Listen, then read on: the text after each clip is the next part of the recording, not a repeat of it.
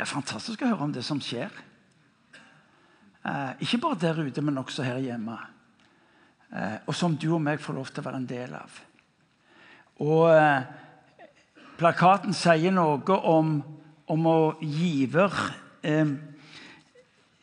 Hvis vi er litt sånn tilnærmet ærlige, så, så, så, vil vi jo se at kirka er et sted hvor jeg skal få lov til å få kommer til gudstjenestene fordi at Gud skal velsigne meg. Og så, og så er det legitimt. Det er for alt i verden. Skulle det bare mangle. Men vi vil disse dagene Vi begynte sist gang Elling starta.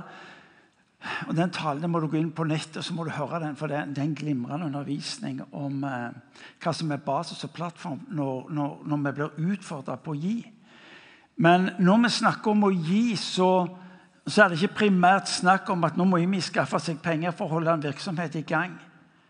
Eh, det er primært at du skal få lov til å bli en del av det Gud holder på med. Og Det er noe av det vi vil se på i, i kveld. Det er eh, Gud har gitt deg og meg ufattelige rikdommer. Det gjelder tid, det gjelder ressurser, og det gjelder penger. Og Det som er Guds intensjon, det er at det skal få lov til å få en betydning. Ikke bare for de menneskene som du berører, men også for ditt eget liv. For Når du og meg snakker om nærvær, når du og meg snakker om å se Guds navn bli herliggjort, så skjer ikke det inni ei tåke. Men det skjer der hvor du og meg våger å gå fram. Det skjer der hvor du og meg får lov til å gi videre det han har velsigna ditt og mitt liv med. Eh, Bibelen sier noe om, om, gjerninger som representerer duft, altså den gode lukt og den gode atmosfæren der du og meg går fram. Så blir altså Gudsrikets nedslag i denne verden blir altså noe som fyller ditt liv, og som går foran ditt liv. Og det skal, det skal for deg og meg være sånn en, en gyselig trøst. og skape håp. fordi at der hvor jeg fram, der jeg går fram, der går også Guds nærvær fram. Hvor du er på jobben eller skolen eller i nabolaget, så er, det, så er det jo nettopp denne vissheten om Han som er i meg, er Han som også representerer nærværet. Du kan ha en dag som er, som er gyselig, og den er, den, den er, til de grader dårlig, og så betyr jo ikke det noe for Han som er i deg. For, for Hans nærvær går med deg uansett. Så det vi skal se på i dag, det er det er hvordan du og vi kan få lov til å bli en del av det Gud holder på med, ved at vi gir videre det han har velsigna ditt og mitt liv med. Ikke fordi at noen skulle få noe penger til å drive virksomhet, men for at Guds rike skulle bli synlig ved ditt og mitt liv. Og så representerer det nettopp denne underlige situasjonen hvor hvor der hvor jeg lærer meg å forholde meg og forvalte dette, begynner jeg å se annerledes. Eh, noen av oss var i Bangkok i, eh, i eh, begynnelsen av januar måned. Vi hadde vår første Agenda 1-summit. Og når vi planla, dette i fjor vinter, så, så visste vi om to-tre land som var engasjert i Agenda 1. Da vi startet opp i eh, januar, så var vi ni forskjellige land. Og Der sitter det bl.a. tre stykker fra Nepal med sine litt sånn karakteristiske hatter. vet du, Litt sånn, litt sånn snåle hatter. Én ting å gå med det i Nepal, men, men, å gå med det i et eller annet land virker jo litt sånn i overkant frimodig. Men det er klart det er jo sånn det at hvis, hvis det er bare mange nok som gjør det som er sært, så, så skiller du deg ikke ut. Så hvis du skal begynne med noe som er sært, så sørg for at du ikke er alene. Da, da går det bra. Ja, det var bare. Og så forteller pastor Solomon til meg at det starta når han var på en konferanse. Han hadde hørt om en konferanse som skulle være i Sverige, i, i Stockholm. Og, og, så, og, så, får jeg høre historien fra han, så får jeg høre den fra Jon Arve og Gunnveig Nei, Gunnbjørg. Det navnet jeg glemmer. Jeg kom aldri til rette med det navnet. Men hun er ikke. Um, så er de på samme konferansen. Og så kommer de inn i salen der hvor det er bord, og de sitter og spiser. Og så sier Gunnbjørg Jon Arve du, han der, han med den rare hatten, han må vi snakke med. Ja, jo, jo, jo vi må snakke med sier Okay. Så de går bort og begynner å snakke med han og forteller om fra Nepal. og forteller om livet der, Og så sier han Gud kalte meg til å komme her. Ja, Men hvordan går det da? Jo, det går bra. Ja, Hva skal du gjøre videre? Det vet han ikke, for han har ikke penger til å komme hjem. Og så kobler Gud pastor Salomon med Jon Arve og Gunnbjørg. Og så inviteres de til å komme til Nepal og så tar de med seg det som dette huset har fått lov til å forvalte. Og så blir de en del av en vekkelse som er helt eksepsjonell. 15-20 år tilbake var Nepal et lukka land. Og så slår Guds ånd her, og så erfarer de en vekkelse som er nesten uten sidestykke i dette landet langt inn i eh, Himalaya. Av at Guds rike slår ned med under, tegn og mirakler. Og de får se mennesker i tusener komme til tro. Og så er det det der kan dere komme og hjelpe oss, fordi vi trenger redskaper for å hendle denne vekkelsen. Og Så fortalte pastor Solomon til meg at eh, du vet det sa han, at det, dette er ikke Katmandu, hovedstaden i Nepal. Dette er en, eh, er bygd langt oppe i fjellene, og, og det er knapt noen flystriper til, til, å lande på. Og, så, og du vet det, det, er klart det går på esel, og så, og så er det å bruke beina. Ja vel, sa jeg. Hva betyr det?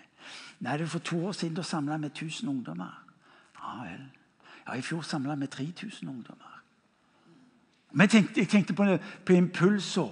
Vi samlet 2500, og vi begeistra skulle bare mangle. Samla de 3000 tenåringer. De hadde ikke satt opp busser. De gikk altså i dagevis fordi de hadde hørt evangeliet om Jesus.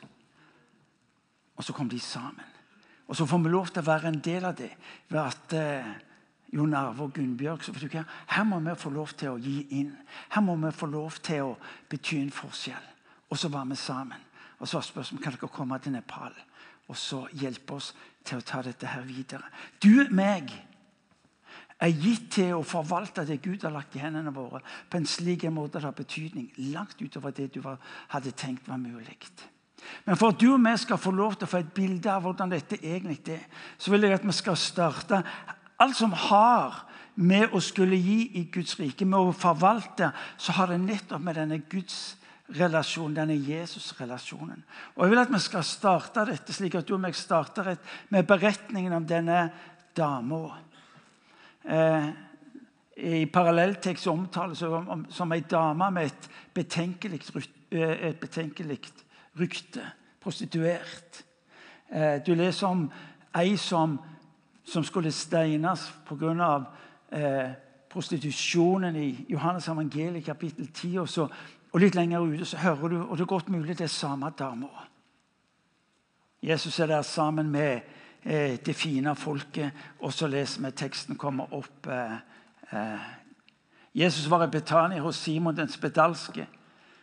Mens de lå til bords, kom det inn en kvinne med en alabastkrukke med ekte og kostbar nardusalve. Hun brøt krukken og helte salven ut over hodet hans. Noen som var der, sa forarget til hverandre. Hva skal denne sløsingen med salve være godt for?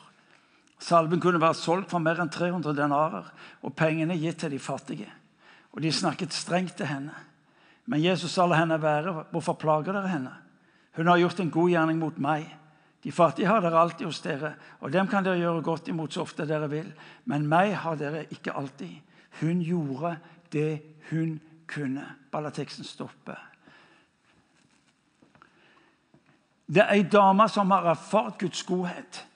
En godhet som på et vis sprenger rammene, og som innebærer at dama er fri. Fri fra hva andre måtte mene. Hun visste godt om sitt rykte.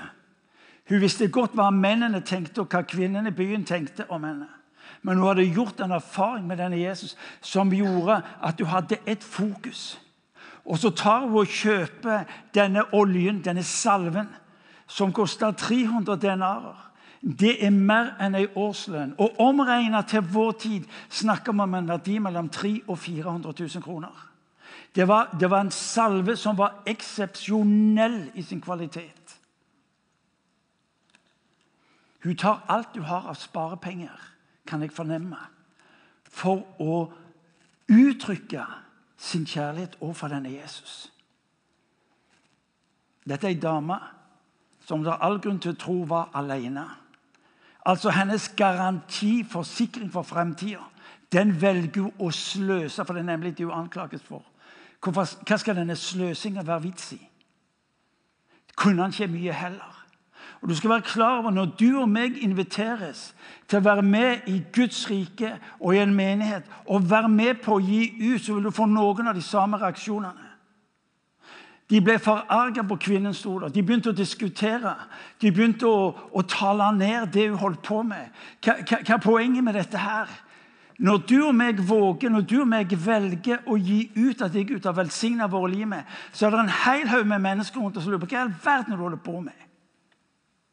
Hvorfor i all verden er du opptatt med å bruke tida di, ressursene dine, pengene på dette religiøse, og så skjønner de ikke hva som ligger til bunn for at du gjør det du gjør? Det står at eh, lukta av denne salven den, den fulgte hele huset. Kan du tenke deg noe så vakkert som at når, når denne dama av kjærlighet til Jesus heller over ham det som representerer hele hennes fremtid, så er konsekvensen at er Alle kjente at det var en annerledes lukt i det huset. Det, er noe som er frukten av, av, det hun gjør, som innebærer at eh, alle de som var i det huset når de gikk derfra, så var de preget av det. Lukta hang igjen i klærne dine.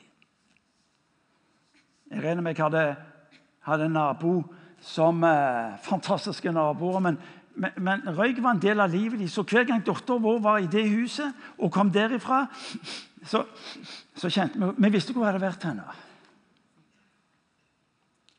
Disse som var i dette huset med denne dama, når de gikk hjem, så ble spurt hvor du har vært henne.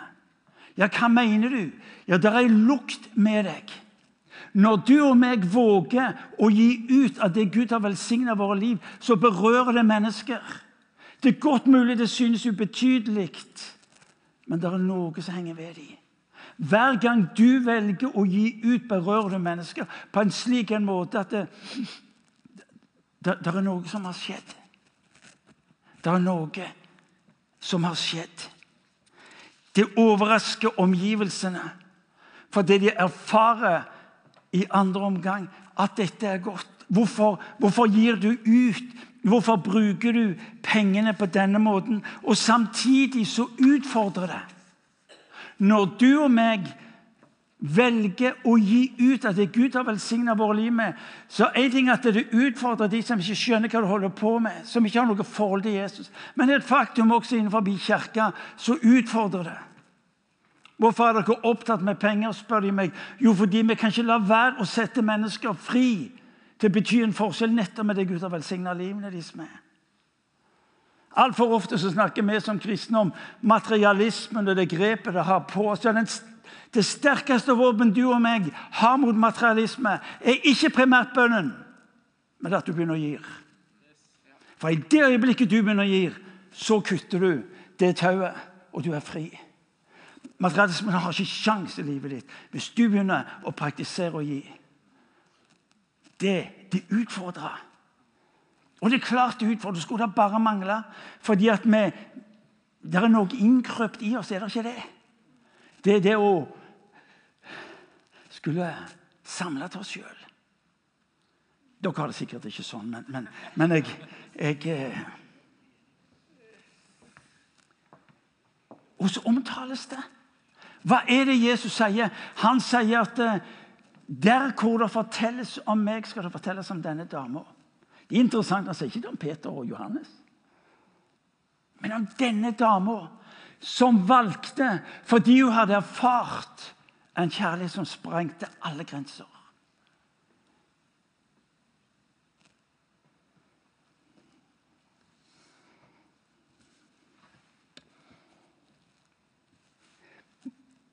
Hvorfor gjorde du det på den måten? Jeg, hadde ikke vært kristen i mange dager før jeg leste denne beretningen. Og, og hun, hun, gjorde sånn et inntrykk på meg. Og mitt spørsmål til denne dama var fra dag én hvorfor i all verden gjorde du det? Kunne du ikke gjort, kjøpt en litt rimeligere salve? Som ikke var så dyr, som allikevel ville ha representert god lukt.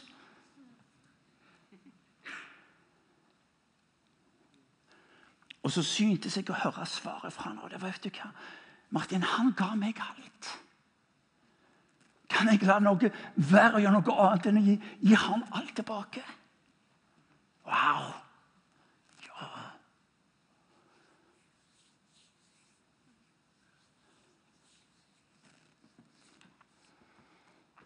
Han Gud trenger da vel ikke dine penger? Han gjør ikke det. Dypest sett gjør ikke Jimmy det heller. Men du trenger å komme inn i denne gudsrike strømmen. For når du våger å velge å gi ut, så berører du omgivelsene dine på en slik en måte at det er noe som skjer. Bare. Bibelen sier noe om når verden ser gjerningene deres, så er det som hva er det som står? Som en velbehagelig duft. Atmosfære.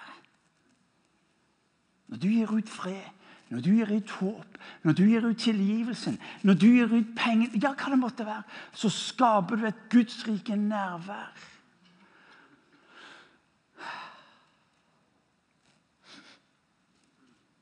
Tenk å kunne få lov til å være i det rommet. Fabelaktig. Ja.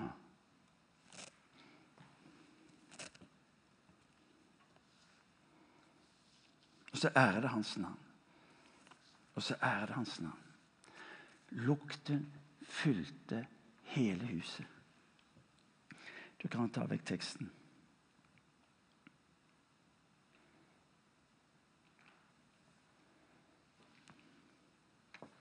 Det du og meg har, det har vi fordi det er en gave fra Gud. Uten at du og meg egentlig kan gi det korrekt. Det er mange gode svar på hvorfor Norge får lov til å leve i denne bobla som vi lever i. For vi lever i en boble. Dønn ærlig, folkens. Og det er mange gode forklaringer, og alt det er greit. Men, men jeg velger den enkle løsningen. Se Guds velsignelse har fått lov til å være over dette folket på en måte som vi ikke forstår og som gir oss en levestandard med muligheter som er helt unik på denne kloden i dag. Men det er en gave. En gave som du og meg vet at jeg skal få lov til å forvalte. Det står i, eh, i første krønikebok, kapittel 29, vers 14, når, når David skal bygge tempelet Du kan ta den teksten opp.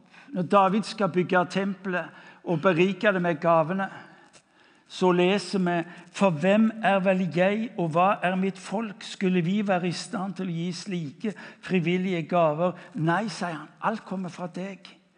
Vi gir det vi har fått av deg. Og så står det litt lenger nede Herre vår Gud, all denne rikdommen vi har, den kommer fra deg, og alt er ditt. Hør nå.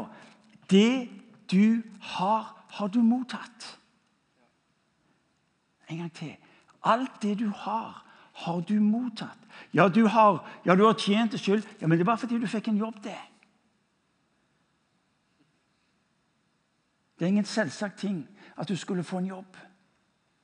Det er ikke selvsagt. Vi har hatt en tid bak oss nå hvor nettopp arbeidsledigheten ble nettopp en påminnelse om at tingene er ikke selvsagte. Og så får du og meg lov til å motta dette som en gave. En velsignelse, som Bibelen sier, som kommer til uttrykk gjennom frelse på den ene sida, men også gjennom helse, gjennom det som har med det daglige brød En gave. Og kanskje er det noe av baksiden med velstanden. Det at velstanden blir på en måte vår trygghet. Hvis jeg bare har nok. Vår største frykt er å ikke ha nok når, når eh, innvandrere og flyktninger sto på døra og banka og ville inn, så var vårt svar nei. Og ofte så hørte du det var fordi at eh, vi vil ikke dele med oss. For vi vil risikere en reduksjon av levelsen. Og så var det en hel masse typer argumenter. Og så blir altså pengene tryggheten vi har, og så må vi sikre oss og beskytte den. Og så må vi holde folk som er utenfor totalt fremmed i historien at vi skal opptre på den måten. Vi har vår trygghet i pengene. Og så lyder det ifra Guds ord til deg og meg i Malakia som, som en del av Bibelen. Og så Hør hva det står skrevet. Kom med hele tiendene forrådskammeret. Tienden var en type praksis som de hadde i Israel. Tiende betydde at de, de regnet sammen så tenkte de, ok, dette gir vi til Gud, dvs. Si til forrådshuset, som hadde med tempelets tjeneste å gjøre. Det betydde ikke at de var slik at ok, Gud, du får 10 og så beholder vi 90 Nei, ved å gi 10 så bekjente du alt hører deg til Gud. Og det synliggjøres ved at vi legger 10% i Gudshuset. Og så leser vi så kommer hele fiendene for oss. Dette er det Gud som sier til sitt folk så det finnes mat i mitt hus. Prøv meg på denne måten, sier Herren over herskerne. Jeg skal sannelig åpne himmelens sluser og øse utover dere velsignelse uten mål. Vet du hva? Der ligger en sånn type ubegrensa løfte fra Gud at den som bringer eh, tienden inn i hans hus, skal være sikra. Hør nå! Vær sikra. Vi snakker ikke om å håpe. For hvis Gud hadde sagt dette, så mente han det han sa. Hvis ikke, hvis ikke så hadde han ikke sagt det. Er dere med? Det må jo være det enkle regnestykket. Han sier det han mener. Hvis ikke så hadde han ikke sagt det. Og så sier han når du bringer tiden inn til mitt hus, så skal jeg åpne slusen. Hvem, hvem av dere ønsker å få lov til å være i en livssituasjon hvor Guds løfte om åpen himmel over sitt liv faktisk er en realitet? Ja, det er noen av dere som rekker hånden i været og tenker 'yes'. Ja, jeg står på stolen. Dette vil jeg ha. Vet du hva? Det, det der er Gud. Dette er ikke en spenstig pastor i en eller annen menighet på Sør-Vestlandet som har funnet på. Dette er Guds løfte for deg og for meg. Når vi våger å si 'Vet du hva, Gud? Alt mitt er egentlig ditt.' Og så bringer du det fram for ham. Så når du og meg våger å bringe fram det som er hans egentlig, så sier han det, det er bra, jeg er klar. Og så velsigner han. Vi må lese mer. Jeg skal sannelig åpne himmelens sluser og øse utover dere velsignelse uten mål. Jeg liker den òg. Vi må stoppe litt. Uten mål.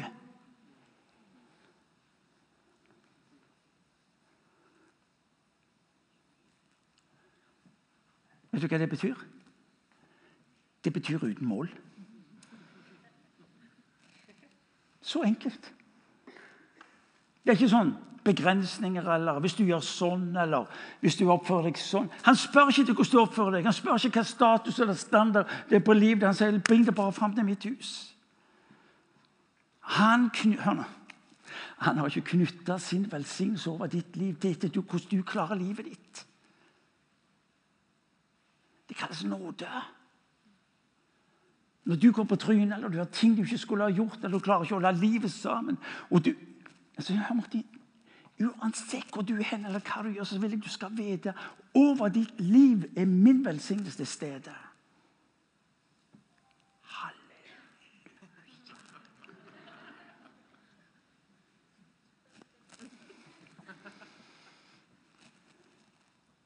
Uten mål. Guds fokus på deg er et liv uten mål. Det var dette med halleluja. Men det står noe mer.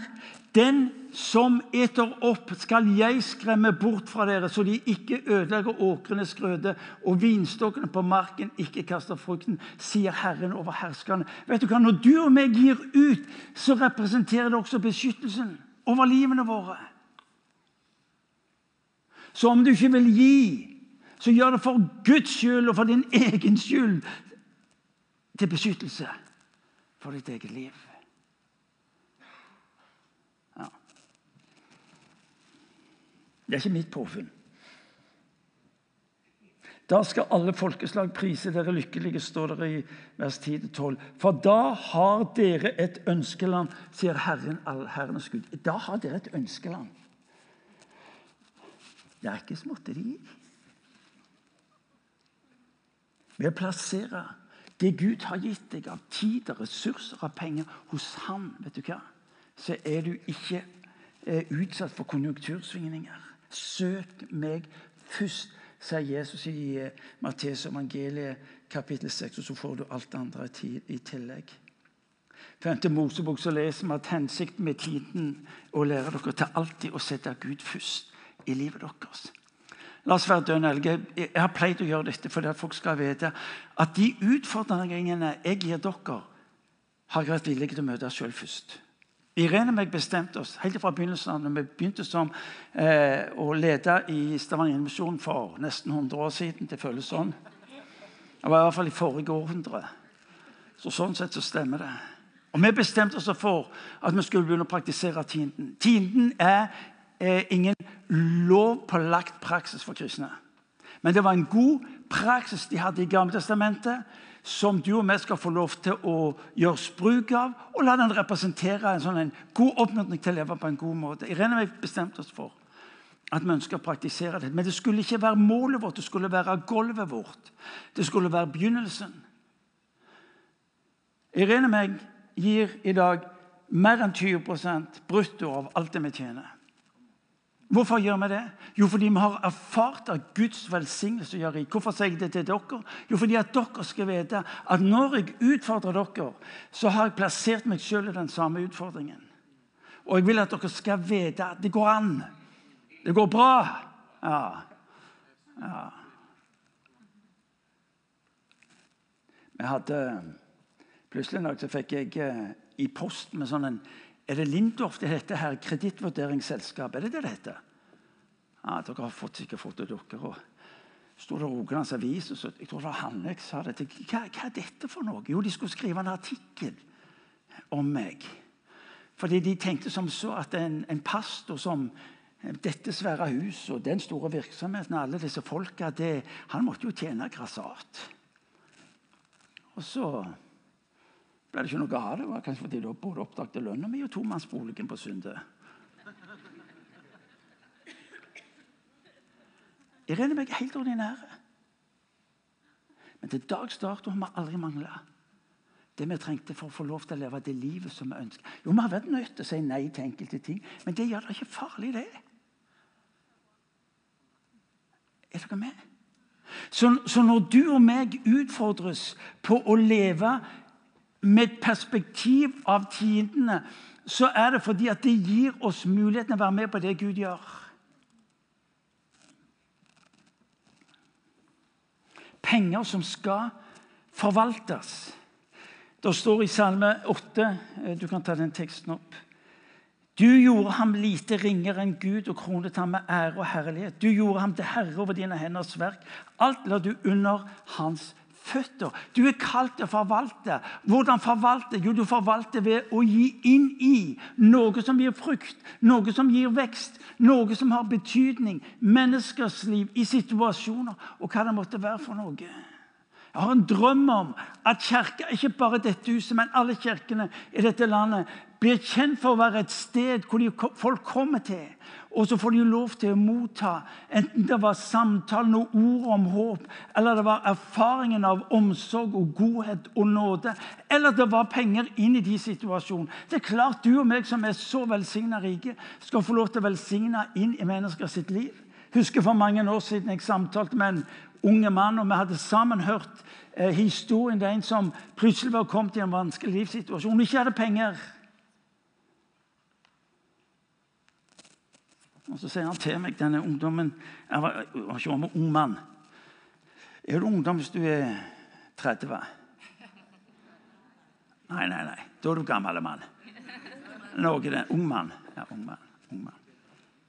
Og så sier han til meg, du, vi må be for han. Ja, så ba vi for han, så sier jeg, kan vi gjøre noe mer? Ja, hva tenker du på, sier han til meg. Nei, jeg... han trenger penger. Ja ja, hva tenker du, sier jeg. Nei, jeg har, jeg har faktisk en del penger i banken, jeg. Ja. Vet du hva? Jeg gir han de pengene. Traff jeg noen dager senere. Martin, det satte meg fri på en måte som jeg aldri har trodd var mulig. Vet du hva? Når du og meg våger å være fri til pengene og se på dem som muligheter, så begynner du og meg å leve annerledes. For bare noen få år tilbake opplevde jeg en situasjon hvor jeg møtte flere mennesker hvis livssituasjonen var så krevende økonomisk. Og Så sendte jeg en mail til en syv-åtte stykker. Og så sa jeg, du hva? Det er noen mennesker iblant oss nå som opplever livet så krevende fordi de har ikke penger. Vil du være med meg og bety en forskjell i disse livene? Og så har dere hørt hva jeg har sagt. Jeg forventer ikke mer av andre enn jeg gjør sjøl. Og så sier jeg jeg har lagt 10 000 kroner på bordet. Jeg utfordrer hver av dere til å gi 10 000 kroner hver.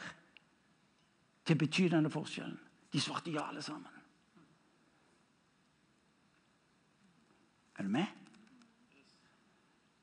Hvorfor er jeg tydelig på mitt liv? Jo, fordi du skal oppleve du hva? Vi driver ikke på fake ting her. Vi våger å velge å være ærlige. Men ved det skal vi også gi hverandre mot på å handle, fordi at du og meg er så rike som vi er. Når Bibelen taler om å forvalte, så er det ikke primært snakk om de store summene, men det er det du er gitt. Og så er det ikke sikkert at du kan gi tiende, så er det ikke sikkert at du kan legge penger på bordet, men Gud har gitt deg noe som du kan få lov til å forvalte videre. Så altfor mange av oss blir eksperter på det vi ikke hadde. Mens Gud har velsigna våre liv langt ut. Spør, hva, hva er det du har? Hva er det du har? Alle er vi forvaltere. Som Jesus til følger, så er du en forvalter av det gode livet. Som betyr en forskjell i menneskene sitt liv. Forvalteren han har nase for verdier. Jeg må få opp teksten i Matteus kapittel 13, vers 44. Der leser vi at eh, Himmelriket er likt en skatt som var gjemt i en åker. En mann fant den, dekket den til igjen, og i sin glede gikk han bort og solgte alt han eide, og kjøpte åkeren. Du og meg har nasa for verdier, mennesker. Fordi du har skjønt at når mesteren velger å putte en sånn en pris på hver enkelt av oss, da skjønner vi at mennesket er verdifullt. Det står til og med at du er dyrebar i mine øyne. Det sier han til sitt folk og til mennesket. Ja, så vet du og meg OK, han går bort Bare la meg få teksten opp igjen. Eh, han gikk bort, og så solgte han alt. Folk spør meg at eh, ja, men hør, det, det, det er ikke sikkert at vi skal anvende tiendeprinsippet i Nytestamentet. Nei, Det er jeg helt enig med deg i. For i, i Gamletestamentet der var tiendeprinsippet det som var lagt til grunn. Mens i Nytestamentet der er det alt som er lagt til grunn. Så du velger sjøl. Er dere med? Du og meg er gitt å forvalte fordi vi har skjønt Når vi ser hvilken pris Jesus setter på mennesket, så skal du og meg få lov til å være en del av det. Jesus forsto verdien. Du og meg får lov til å være en del av det samme. Jeg tror jeg holder på å slutte nesten.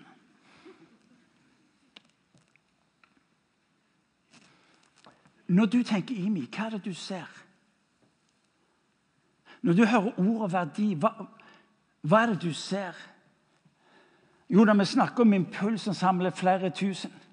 Du hører om hva som skjer i Kambodsja, og du, du får tak i at tusener på tusener får erfare Guds godhet, en forskjell i livet, til helbredelse og til frelse. Fordi at dere hør nå folkens, fordi at dere valgte å gi inn i dette her. Vi kunne ikke ha drevet arbeidet i Kambodsja eller Thailand eller disse andre hvis det ikke var for dere. De facto er det som er greia. Når Anne som leder vårt veiledningsarbeid, og vi får se hundrevis av mennesker søke opp et sted hvor det er håp fordi at frivillige har sagt vi ønsker å bruke vår tid. Vi kunne ikke ha gjort det hvis det ikke var for at vi også samtidig hadde penger, så vi kunne funde det der. Når vi får lov til å ha 120 menigheter bare i Norge, nesten 200 menigheter i Asia, som vil være en del av dette Agenda 1, hvor de får hjelp til å vokse og utvikle menigheten på slik måte at det får enda større betydning Vi kunne ikke ha drevet det hvis det ikke var for dere. Du må gjerne si 'yes'. Av og til med så beskjeden kommer vi si at ja, jo, det var da fint, det. Noen sier selvros Men, men begeistring for deg sjøl får lov til å gi inn Så skal det bare mangle at ikke det får lov til å fylles med, med begeistring.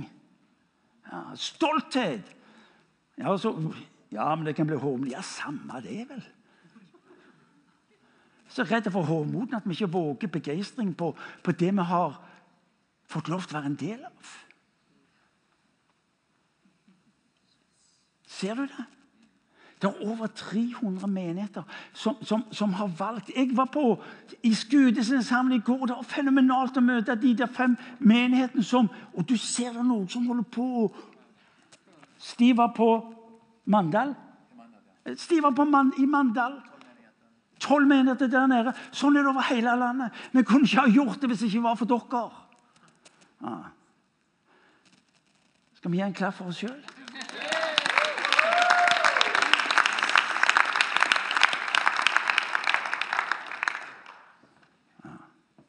Takknemlige mennesker, begeistra mennesker, betyr en forskjell. Når vi får lov til å se ungdommene våre, når vi får lov til å se barna og tenåringene våre få en hjelp som gir dem mot på livet og i retning for livet Da vi i sin tid starta KF-skolen, og vi pådro oss gjeld på flere millioner kroner Starta med ni stykker, vi hadde ikke råd til det. Jeg er ikke sikker på om dere var klar over hva dere var med på, å gi inn i. Men dere ga inn i det, og vi overlevde første kneiken. Nå går det bra. Men den første kneika Dere ga inn. Av en eller annen grunn hadde dere tro på det, fordi dere så at Gud fikk lov til å bety en forskjell. Å gi inn Kjenner du lukta? Folk som går ut derfra med håp. Barn og ungdom som våger et nytt steg for livet fordi at Kjenner du lukta?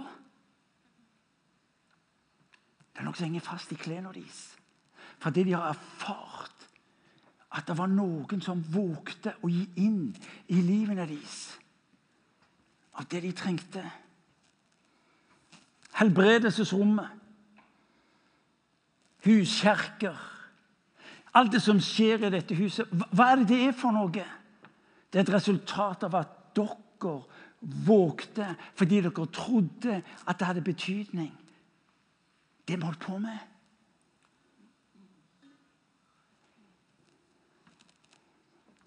Og så skal dere utfordres på nytt. Det er et nytt steg, til et nytt nivå. For det vi sier for tida til staven, det er Vi aner ikke hvor dette ender. Det profetiske ordene i menigheten er sånn at det gjør dere klar fordi at jeg skal ta dere til et nytt nivå. Dere skal få lov til å ha større betydning. Og jeg tenker no problem. Folk er med. Ja, Det betyr dere må kanskje si nei til noe annet, men det gjør ikke så farlig. fordi du vet at Hvis jeg nå gir inn av det Gud har lagt ned i hendene mine, da har jeg det jeg trenger likevel. Og så får jeg se mennesker og samfunn forandre. Mye kunne vært nevnt. Men gå inn på hjemmesida, så, så ser du det.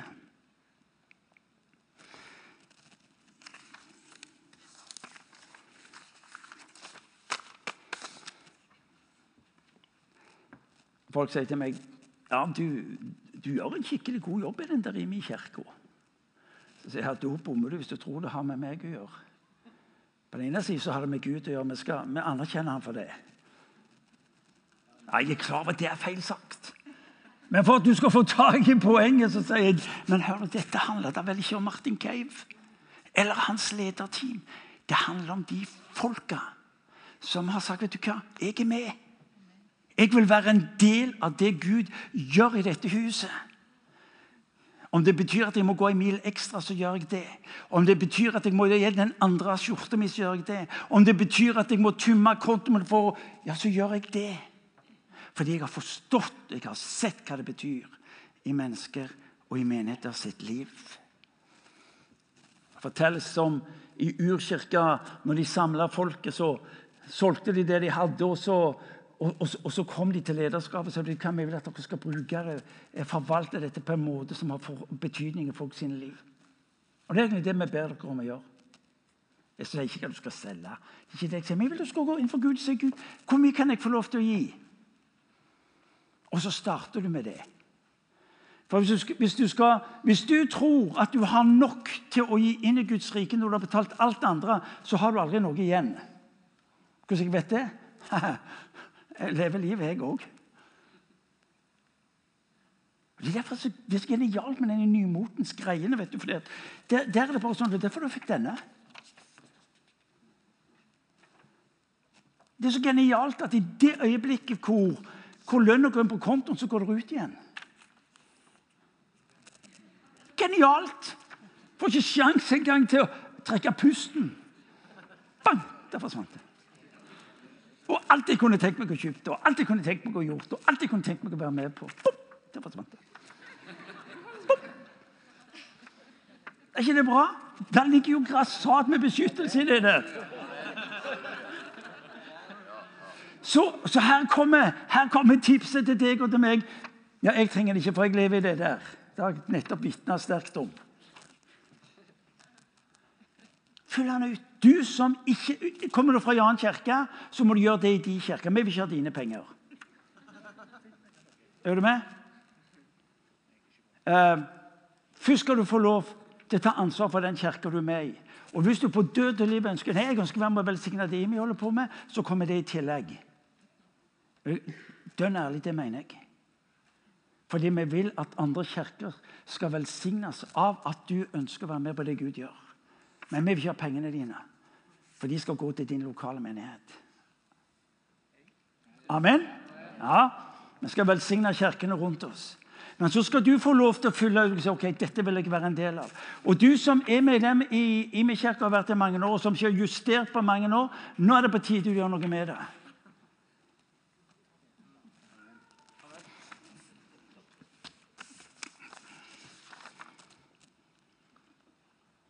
Nei, jeg bare forsøker å antyde noe, jeg.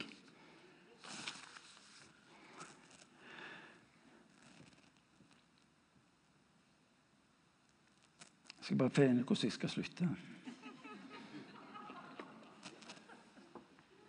Jeg bare tuller. Jeg starta innledningsvis med, med damer som gjorde det hun kunne. Mesteren er ikke opptatt med å skvise deg. Han er opptatt med å invitere deg inn til å gjøre det du kan gjøre. Og så vil jeg du skal vite at når du og meg våger raust inn i det som er av hans, så gir du han anledning til å, velge, til å velsigne raust tilbake. Det står det. Det virker som det er en type prinsipp her. Jeg skjønner ikke helt hvorfor, men jeg har sett det, og jeg har erfart det. Du utfordres til å være med på det Gud gjør ved å rekke fram det du har i hendene. Og du vil oppdage at han velsigner rikt tilbake. Og så vil jeg du skal se for deg ikke primært noe som en pastor har sagt, men vil du skal ta vitnesbyrd fra Markus' evangelium om denne dama som hadde erfart Guds kjærlighet på en slik en måte at du kunne ikke la være å gi ut og gi av det som var hennes trygghet, hennes sikkerhet, fordi hun hadde erfart en nåde som hun visste ville bære gjennom. Det er det samme at du og meg inviteres inn til å være en del av. La oss reise oss, og la oss be.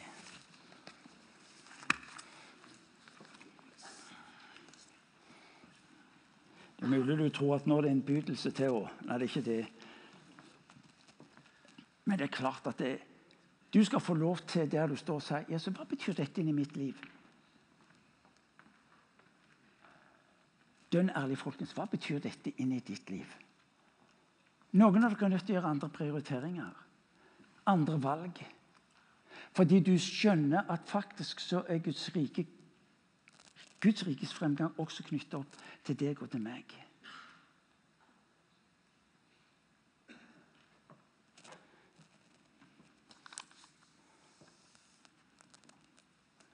Jeg utfordrer deg til å våge å utvide jeg utfordrer deg til å våge å si OK, hva gjør jeg nå? Jeg regner med jeg har sagt at for hvert år skal de på lønnstrekket vårt øke med 1% Du kan si det er ikke så mye. Jo, et stykke ned på veien så blir det mer og mer. Du kan gjøre det samme med ditt liv. Du kan, du kan gjøre konkrete grep hvor du sier OK, jeg vil øke, og så kan du finne en måte å gjøre det på. Men du kan også begynne å handle i henhold. På den ene siden snakker vi om tiende. Det er det faste, det er det regelmessige. Det er det som menigheten skal få lov til å kunne planlegge. i forhold til. Men så har du på det andre også det som Bibelen gjerne vil kunne kalle for kjærlighetsgaver. behov som kommer opp. Husker du pastor Salomon fra Nepal? De ga inn i livet hans. Jo, jeg møter mennesker. Husker du de syv-åtte som jeg utfordra? Det er kjærlighetsgaver. Det har ingenting med tienden å gjøre. Det kommer i tillegg. Jeg vil unnta dere å lese mailen fra disse. For de skrev tilbake 'Takk fordi du spurte, Martin'. Takk for at jeg får lov til å være en del av dette som jeg ser har betydning i folk sine liv. Alle av dere som her inne har et ønske til at livene deres skal ha betydning. Og så har jeg berørt noe av det. Og så skal du få lov til å handle på det. La oss be. Herre Jesus Kristus, vi takker deg fordi du kommer inn i denne verden som den som gir. Du ga din sønn. Du ga Den hellige ånd. Du ga oss gavene. Du ga oss livet på en slik en måte at det ga oss både innhold og retning og et håp.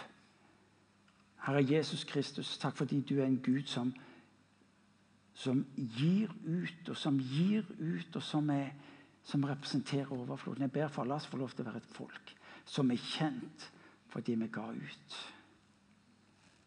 For Vi ber om at 2018 i den enkeltes liv skal bety nettopp denne forskjellen. At vi skjønte, at vi vågte å handle, Herre. På det Guds rike prinsippet som du tar oss inn i. At når vi gir Herre Jesus, så betyr det forskjell i menneskers liv.